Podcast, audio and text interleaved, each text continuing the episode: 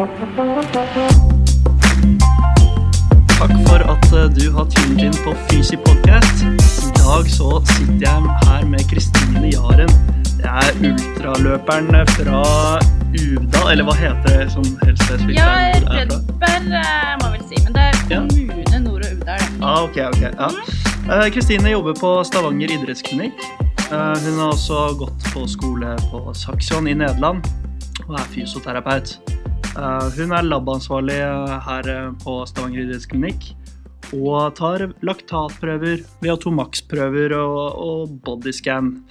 Og uh, uttaler flere prøver, da. Hun er eh, lab-lord. Men ehm, i dagens tema så skal vi snakke om eh, myter eh, innenfor løpeskader. Så, ehm, med bakgrunn i at eh, du har eh, mye erfaring med løping selv, hvilke, hvilke myter innenfor eh, løpeskader er det vi hører ofte om? Ja, det er litt eh, Jeg føler det er litt forskjellig ut ifra om man snakker om eh, pasienter og i en eh, klinikksituasjon, eller om man snakker litt sånn fast og ledig om det når man er ute på løpetur da, med løpegrupper og Mm. i konkurransesituasjoner.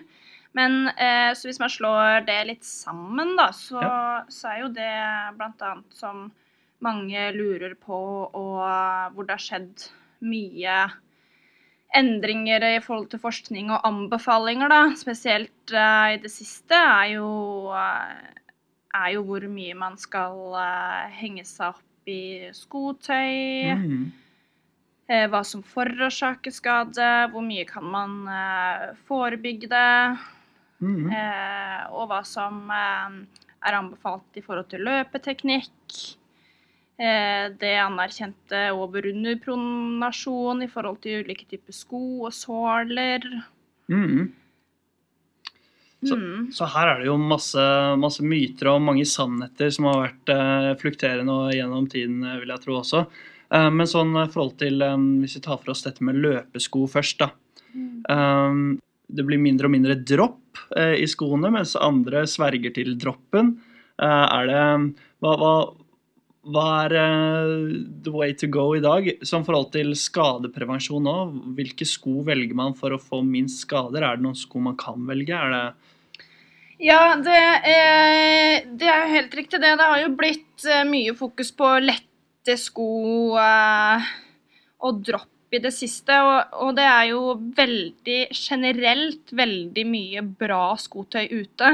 mm. Eh, og så kommer det jo helt an på bruken av det. For mange bruker jo en mer lettere sko eh, med mindre dropp hvis det er mer eh, konkurranseretta. Og så og foretrekker en mer tyngre sko, da, hvis man kan kalle det det, på lengre løpeturer. Men det er eh, Det ser man jo også nå, at eh, det er flere ultraløpere òg som løper lange, lange timevis løp med, med helt lave sko og syns det fungerer eh, kjempebra. Så jeg tror det er viktig å, å prøve å feile litt, og så finne ut hva man selv føler seg eh, komfortabel og får en best løpeflyt av. Mm. Eh, så det er jo eh, som med mye annet at eh, det må tilpasses individet. Og hvis jeg forstår det rett, så er det vel slik med løpesko òg. Du må bruke den skoen som føles god ut. Mm. Men er det noen generelle ting man kan ta med seg hvis man skal velge en løpesko i dag? Eller er det, en, er det noen myter vi kan slakte rundt det der? Eh, ja, jeg vil eh, kanskje si eh, det med demping av sko, da. Altså ikke eh, dropp, men demping. Mm. Der eh, ligger de fleste på det som er minimum anbefalt i forhold til eh, skader, da. Forebyggingsskader, som er ca. 8 millimeter. Så så lenge man ligger over det, så skal på en måte ikke droppen egentlig være avgjørende. Eh, altså droppen skal være god nok for å være forebyggende til skader, da. Mm. Og så eh, er det det her med over- og underpronasjon, eh, som f.eks. løplabbet har gått litt vekk ifra og direkte anbefale om man skal kjøpe en over eller under pronasjonssko, Mm. men heller, eh, heller fokusere litt på hva som er årsaken da, til at man har en under- eller overpronasjon. Ja. Om det er eh, mer av knestilling eller nedsatt hoftestabilitet, eller det her er veldig individuelt. Mm. Men heller gripe tak i det eh, på en måte som en underliggende årsak. Mm. Og så eh, foretrekker eller anbefaler en nøytral sko, da. Men det her er jo Man må se an én og én, og så eh, på en måte det totale bildet. For det, hos noen kan det jo ha en kjempefordel i en eh, å ha en sånn type sko, da. Men generelt så har det gått litt mer vekk fra det å anbefale over eller under pronasjon, men heller en nøytral sko. Ja. Og er det da eh, Når du eh, sier at man må velge en sko ut fra eh, hvordan personen beveger seg, er dette noe man kan um, Ser man på løpeteknikken, da? uh, og velger en sko som passer til en slags løpestil? Ja, det er jo uh, Hvis man skal finne akkurat åssen type sko man skal bruke, så bør man jo gjøre det basert på en, eh, en undersøkelse, basert på mengden denne personen trener. Mm. Eh, og basert på en løpsanalyse hvor du får et inntrykk i løpsteknikken og, og belastningen. Ja. Så hvis du da f.eks. Eh, ser at en person lander veldig på hæl, Mm.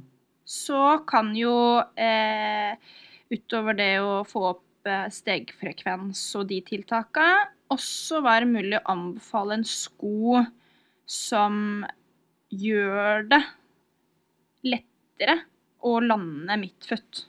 ja. Så da velger man kanskje en sko som ikke har så mye dropp, da. Ja, Altså Bare for å definere dropp, så er Ja. det forholdet mellom helt hæl og tå, da.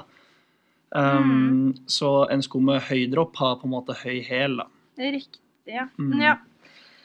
Uh, Men i forhold til løpsteknikk, hvor lett er det å endre på noen eh, sin løpsteknikk? Det er jo ofte man eh, Det kan jo være en eh, slags myte, da, at man, man må ha en perfekt løpsteknikk på et vis.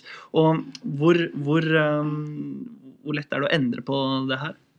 Nei, det er ikke noe hokus pokus i det hele tatt. Det er, det er en lang prosess som tar lang tid å endre, og det er ikke det er ikke bare å eh, løfte fram hofta, og så, og så er det gjort på en løpetur. Det må, må trilles inn over lang tid. Så eh, der kan man jo splitte opp øktene, ha noen lyktestolper hvor du har fokus på det, løper tilbake til normalen, og så eh, implementerer det gradvis. da.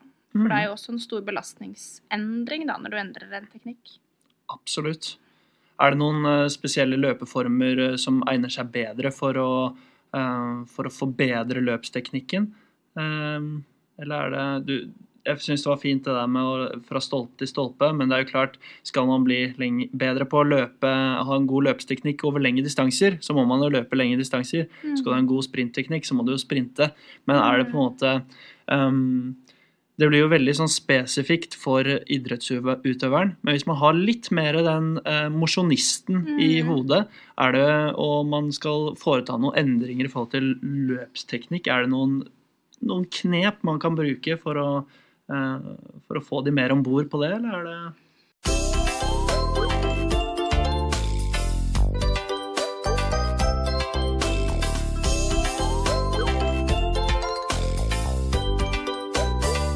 Starttiden. OK, én, to, tre. Det er noe som ofte er i forbindelse med kontoret. Man føler seg inspirert av det. Det stimulerer de ansatte til å ha varierte arbeidsstillinger. Ergonomi.no. Veldig bra! Helt riktig. Sjekk ut ergonomi.no for flere gode ergonomiske produkter til din arbeidsplass. Litt tilbake til det med løpsfrekvens, for der eh, ser man jo litt sånn generelt at eh, det ligger ofte under det som er anbefalt, da. Så at man bør ligge på eh, pluss-minus 180 steg per minutt. mm. Så er det mange apper og klokker som måler det her. Og de fleste mosjonistene har jo det beste utstyret. Ja. det er ikke alltid like mye brukt. Eh, men eh, garantert at det her kan måles på de klokkene de har, eller eventuelt eh, bruke, bruke en sånn step-frekvens på mobilen. Eller det fins eh, på eh, Spotify faktisk en, en spilleliste ut ifra hvor mange steg du bør ha i minuttet, så går musikken på den rytmen du skal holde. Ah, kult, det tror jeg jeg har hørt om, faktisk. Det er jo egentlig genialt å kunne nevne også. Ja, det kan være godt uh, hjelpemiddel. Mhm. Eh, Du nevnte jo så vidt eh, dette med pulsklokke. Eh, Og da har jeg, fikk jeg en eh, tanke om en slags myte, og da er det gjerne sånn forhold til at folk stiller spørsmål ved eh, intervalltrening, og at de må vite pulsen sin for å få, og disse zonene, treningssonene sine, for å få en god intervalltrening. Stemmer, det at, eh, stemmer dette, at du må ha en eh, pulsklokke for å få gjennomført gode intervalltreninger? Eh, nei, ikke nødvendigvis. Det er et verktøy du kan bruke for å få en litt bedre kjennskap til eh, kroppen din og dagsformen din, og eh, hvordan farten ligger eh, i forhold til puls. Eksempel så kan det jo være at du er ute på en tur, det er masse vind, du ser at farten bare går ned og ned, men pulsen holder seg det samme. Mm. Og der er det noe som får litt sånn eh, opplevelse at eh, Å ja, jeg trodde, jeg trodde jeg var skikkelig dårlig form i dag, men jeg ser jo faktisk at pulsen er like høy. Så mm. eh, det kan være litt sånn motiverende faktor eh, på den måten, da. Absolutt. Det er um, forhold til uh, hvordan pulsmåler du bruker, det, er det, er det um, Får man en valid måling eller en god måling ved sånne håndleddspuls, eller bør man uh, bruke belte og sånn for å få de beste målingene under trening? Ja, jeg har testa en del det med håndledd versus belte, og det er jo mye mer nøyaktig med belte. Ja. Selv de eh, klokkene som sier at de har gode håndleddssensorer, så opplever jeg, eh, så opplever jeg spesielt at eh, det på lavintensitet ikke stemmer helt overens med det selve hjertefrekvensen, da. Mm. Men det er litt individuelt, eh, det også, da. Litt Ja. mer nøyaktig kanskje på de som er, har en mer stabil puls og har lagt inn Du kan legge inn sonene på klokka spesifikt òg. Sånn at eh, fra du kjøper den, så legger du inn makspulsen, og så eh, legger klokka inn sonen ut ifra prosentvis makspuls. ja. Men du kan også gå manuelt inn og legge inn alle sonene. Og da vil du få en mye mer nøyaktig håndleddsensor enn hvis du eh, legger inn bare ut fra makspulsen. Da. Mm, Det var smart. Eh, ok, jeg tenker eh, Nå skal jeg lese opp eh, fire påstander. Og så er det på en måte Det er litt sånn uh, fleip eller fakta, men det kan ikke være helt fleip eller fa fakta heller. Så vi, kaller det gråsonefleip eller fakta. Det vil si at jeg leser det opp for deg, og så bare, så bare sier du egentlig det som faller deg inn. da. Eh, det er litt sånn inn på noe av det vi har pratet om òg, da. Men hvis jeg sier forfot eller hellanding i løpssteget Forfot. Midtfot? Midfoot? Ja. Er det lov si? Ja, det er lov, det. Uh, hvorfor, hvis jeg kan spørre en rask uh, bakgrunnssjekk? For å få eh, mest mulig watt kraft ut ut ifra hvert steg, så er det jo en fordel å unngå elefantløping. da, Prøve å, prøve å få en eksplosiv framdrift. Ja. ok. Uh, høy eller lav dropp på skoen?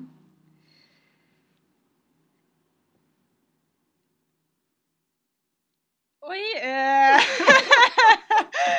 Eh, Ville kanskje Jeg ville anbefalt eh, høy dropp generelt. Mm. Mm, og så lav dropp hvis du er en mer erfaren løper. Bra svar. Um, uttøying etter uh, løpsøkt, yay or nay? Nei, etter uh, hardkjøring i hvert fall. Mm. Det her er jo en superomdiskutert eh, omdiskutert eh, tema, det med forhold til mobilisering og sånt. Men eh, jeg ville ikke kjørt noe statisk eh, tøyning før eh, løpeøkt, og, og Mhm. heller ikke hatt eh, mye fokus på det etter endt eh, tøffe løpeøkter. Nei. Litt eh, Kan jo være en grei eh, sosial eh, eh, sammenkomst etter eh, en roligere løpetur for, eh, Mm. for å trene bevegelighet. Men eh, sånn svart på hvitt så kommer de vel kanskje ikke helt fram til eh, effekten av det, om det klarer å, å forebygge skade. Ja, en, en litt grå nei der, altså. Ja, en Ja. liten grå en. Uh, så um, for uh, prehab eller prehabilitering, uh, styrketrening, yay or nay? Ja, veldig jeg på den der. Det er absolutt eh, Absolutt implementere styrketrening. Det er jo eh, Det er jo kjempeviktig både i forhold til forebygging av skader, men også i forhold til prestasjon og, og løpsøkonomi. Mm. Mm. Bare ikke gjøre det for vanskelig. Enkel eh, styrketrening for å få sterke vev. Ja. Ja, det er bra. Ok. Um, er det noen flere myter vi burde ta opp før vi hopper videre? Mm, hva er det vi har vært innom, da? Skotøy og Ja, Løpsteknikk, skotøy, vi har vært litt på intervall. Um, har vi noe uh, sånn take home message fra mytene vi har snakket om? da? Er det noe generelt vi kan si?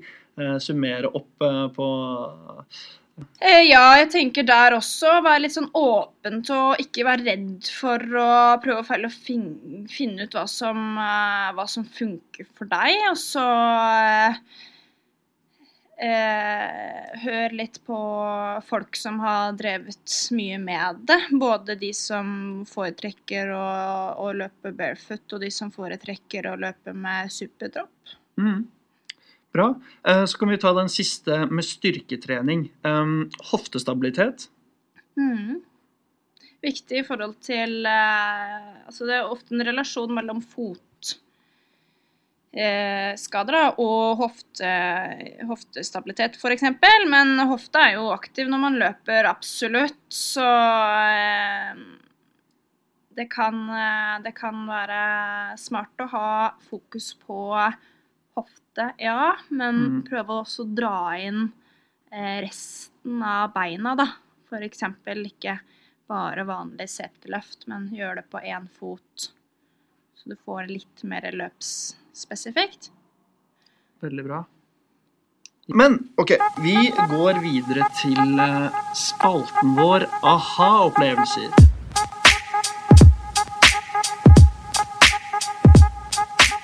Så i denne spalten så eh, skal vi da eh, prøve å få litt mer eh, omhandlet den rent kliniske praksisen. Eh, Har du noen hvis du kan, har du noen krypterte pasientcaser i forhold til eh, løpetrening, og, og der, der på en måte det virkelig, det virkelig har fått til noe, utredet noe eh, med fysioterapien? Ja, det håper jeg. Nei, men det er jo eh, ofte eh, Det er jo kjempefrustrerende, ikke sant, å være skada, da. Det er jo baksiden med medaljen. Men eh, det er ofte at man kommer eh, med en litt sånn frustrasjon over det, som er kjempeforståelig. Det er eh, spesielt eh, blant mosjonister f.eks., så er jo det her en veldig glede, og en veldig løpeglede og en veldig treningsvilje som har blitt veldig populært. da. Løping har jo slått til værs eh, i det siste. Det er sant. Så eh, man føler man mister mye av seg sjøl, ikke sant, og mye av det man har skaffet, fått mye glede gjennom, da. Så det er kanskje eh, det viktigste å på en måte prøve å snu om det, og så prøve å heller se muligheter Mm. som den rehaben her gir, da, og erfaringer man også får gjennom det. At f.eks. OK, kanskje er det nødvendig en periode å avstå for det som provoserer det opp mest, men Mm. det betyr ikke at formen trenger å bli dårligere. Nei. Har du noen eh, eksempler på der eh, kalle, La oss kalle den mentale velværen er litt eh, redusert fordi man ikke får trent eh, som normalt, eh, og tiltak man får gjort for å allikevel finne treningsglede i rehabiliteringen, eller eh, hvis man kalle det Ja, det tror jeg, eh, og det gjelder jo for så vidt alle idrettere, men at man prøver å gjøre det litt eh, eh, eller eh, hvilken Om det skulle vært tennis, tennisrett, eller hva det er. En av grunnene til at vi er så innmari opptatt av det, er jo også fordi at det, det er mer motiverende da, å gjøre noe som er mer likt den bevegelsesformen du faktisk har lyst til å prestere i. mm. Og så, så der er jo eh, Det folk syns er gøy. på en måte ok, klare å opprettholde løpestyrken, da, selv om du ikke løper, ved å kjøre sånn løpetypisk styrkeøvelser. Mm. Og der er det jo veldig mye gøy ute, da. Ja. Eh, jeg føler jo ofte at man ser mye overbelastningsskader hos eh, løperen. Um, enig eller uenig? Eh, delvis enig. Hvis du sier overbelastning, eh, så er jo det på en måte en feiltrening. Mm. Fordi eh, hvis du det Viktig, altså. Ja. Hvis du eh, revurderer hva som er gjort, da, så er det jo ofte too much too fast too soon som er årsak mm. til overbelastning. Og der eh, kan man jo bli ivrig der og bli dratt med, med på lasset, og det blir mye på kort tid. Og så er det veldig ofte, ja, en av hovedårsakene til at uh, man blir skada, dessverre. Mm. Og, det er jo like feil å legge seg på sofaen uh, og slappe helt av som det er å gå ut og løpe uh, et maraton til. Men er det i denne søken til optimal belastning, er det noen tips og triks, noen, noen eh, holdepunkter man kan prøve å, å bruke eh, når man skal finne denne eh, optimale belastningen? Noe du bruker i klinikken selv, eller Ja, det er jo eh, Man har jo en sånn eh, 10 %-regel, f.eks., som er litt sånn hvor mye man skal øke per uke. Prøve å sette opp litt utgangspunkt i hvor man ligger. Og så har man ikke erfaring med løping, så bør man ikke øke med totalt så mye mer enn 10% i uka. Ja, så distansen, da. Ja, Ja. totalt antall. Det her kan du jo eh, bruke både det- distanse og tid, men jeg pleier å forholde meg til totalt antall kilometer i uka. Til flere økter du får splitta det opp i, til bedre. Mm. Eh, og så tenke litt på eh, hvordan neste uke blir sammenligna med forrige uke. Ja. Holde deg litt acute chronic ratio òg, da, som er eh, masse forska på og masse, masse fokus på i det siste. Mhm. Eh, noen ganger så er jo eh, klienten eller pasienten bare litt skadet, så de kan løpe. Mens andre ganger så er kanskje skaden litt, litt mer omfattende. Er det noen, er det noen ting løperen kan gjøre for å opprettholde kondisjonen til tross for at de, de er skadet? Ja, det, eh, det er det jo ved siden av, ved siden av eh, styrke, som vi har snakka om, da. Eh, som det er eh, veldig mye bra på. Så er det jo opp, viktig ja, å holde oppe kondisen. Mm. Og i forhold til løping der, så har man jo ulike alternativer. Annet eh, ellipsemaskin, Ja. Som eh, kan bli en god venn. ja.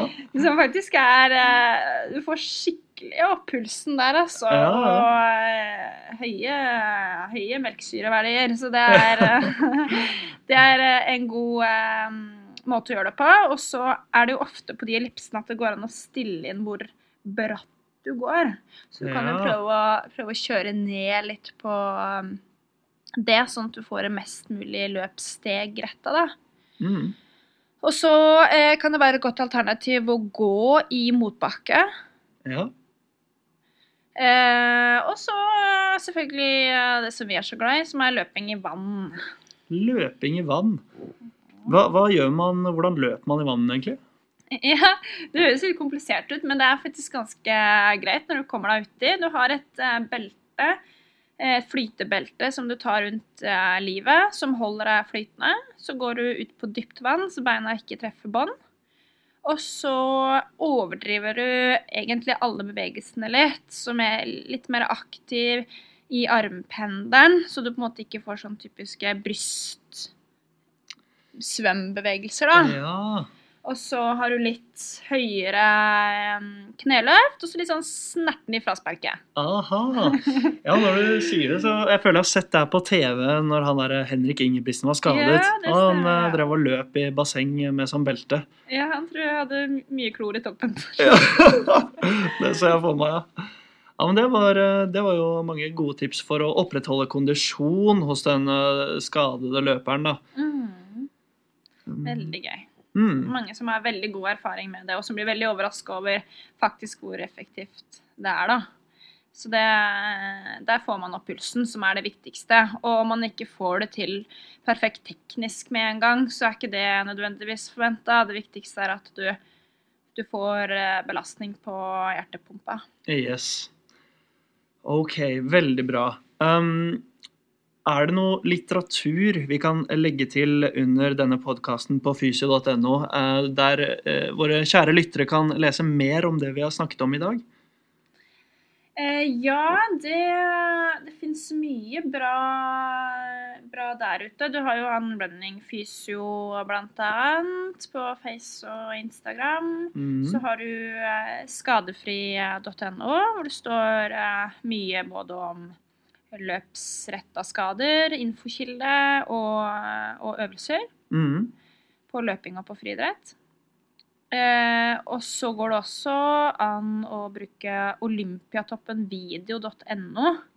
Ja. Og der ligger det både mye podcaster i forbindelse med ernæring og belastningsstyring og den delen, Mm. men også i forhold til ulike idretter og f.eks. på friidrett der, så ligger det en sånn kategori på langløp. Der er det veldig mange øvelser som jeg syns er kule på, på løping. Ah, det var gode tips. Veldig bra. Um, ja. Noe du har lyst til å si til slutt før vi runder av podkasten her? Eh, ja, hva skal vi si da, Fredrik? jeg tenker at eh, det er eh, litt sånn generelt i forhold til mosjonist eh, nå, da. Så er det mye eh, Man skal ha mye dill og dall og utstyr, og folk er i superbra form. Generelt utrolig bra nivå på, eh, på mosjonistnivå, da. Så Mm. det er jo så kult. Og så håper jeg også at eh, alle eh, får masse glede av det. Og så anbefaler jeg å prioritere å løpe i terreng. I terreng. Og med det så runder vi av denne episoden av Fysi podcast. Tusen takk for at du hørte på. Eh, Så podkastes vi senere. Adjø.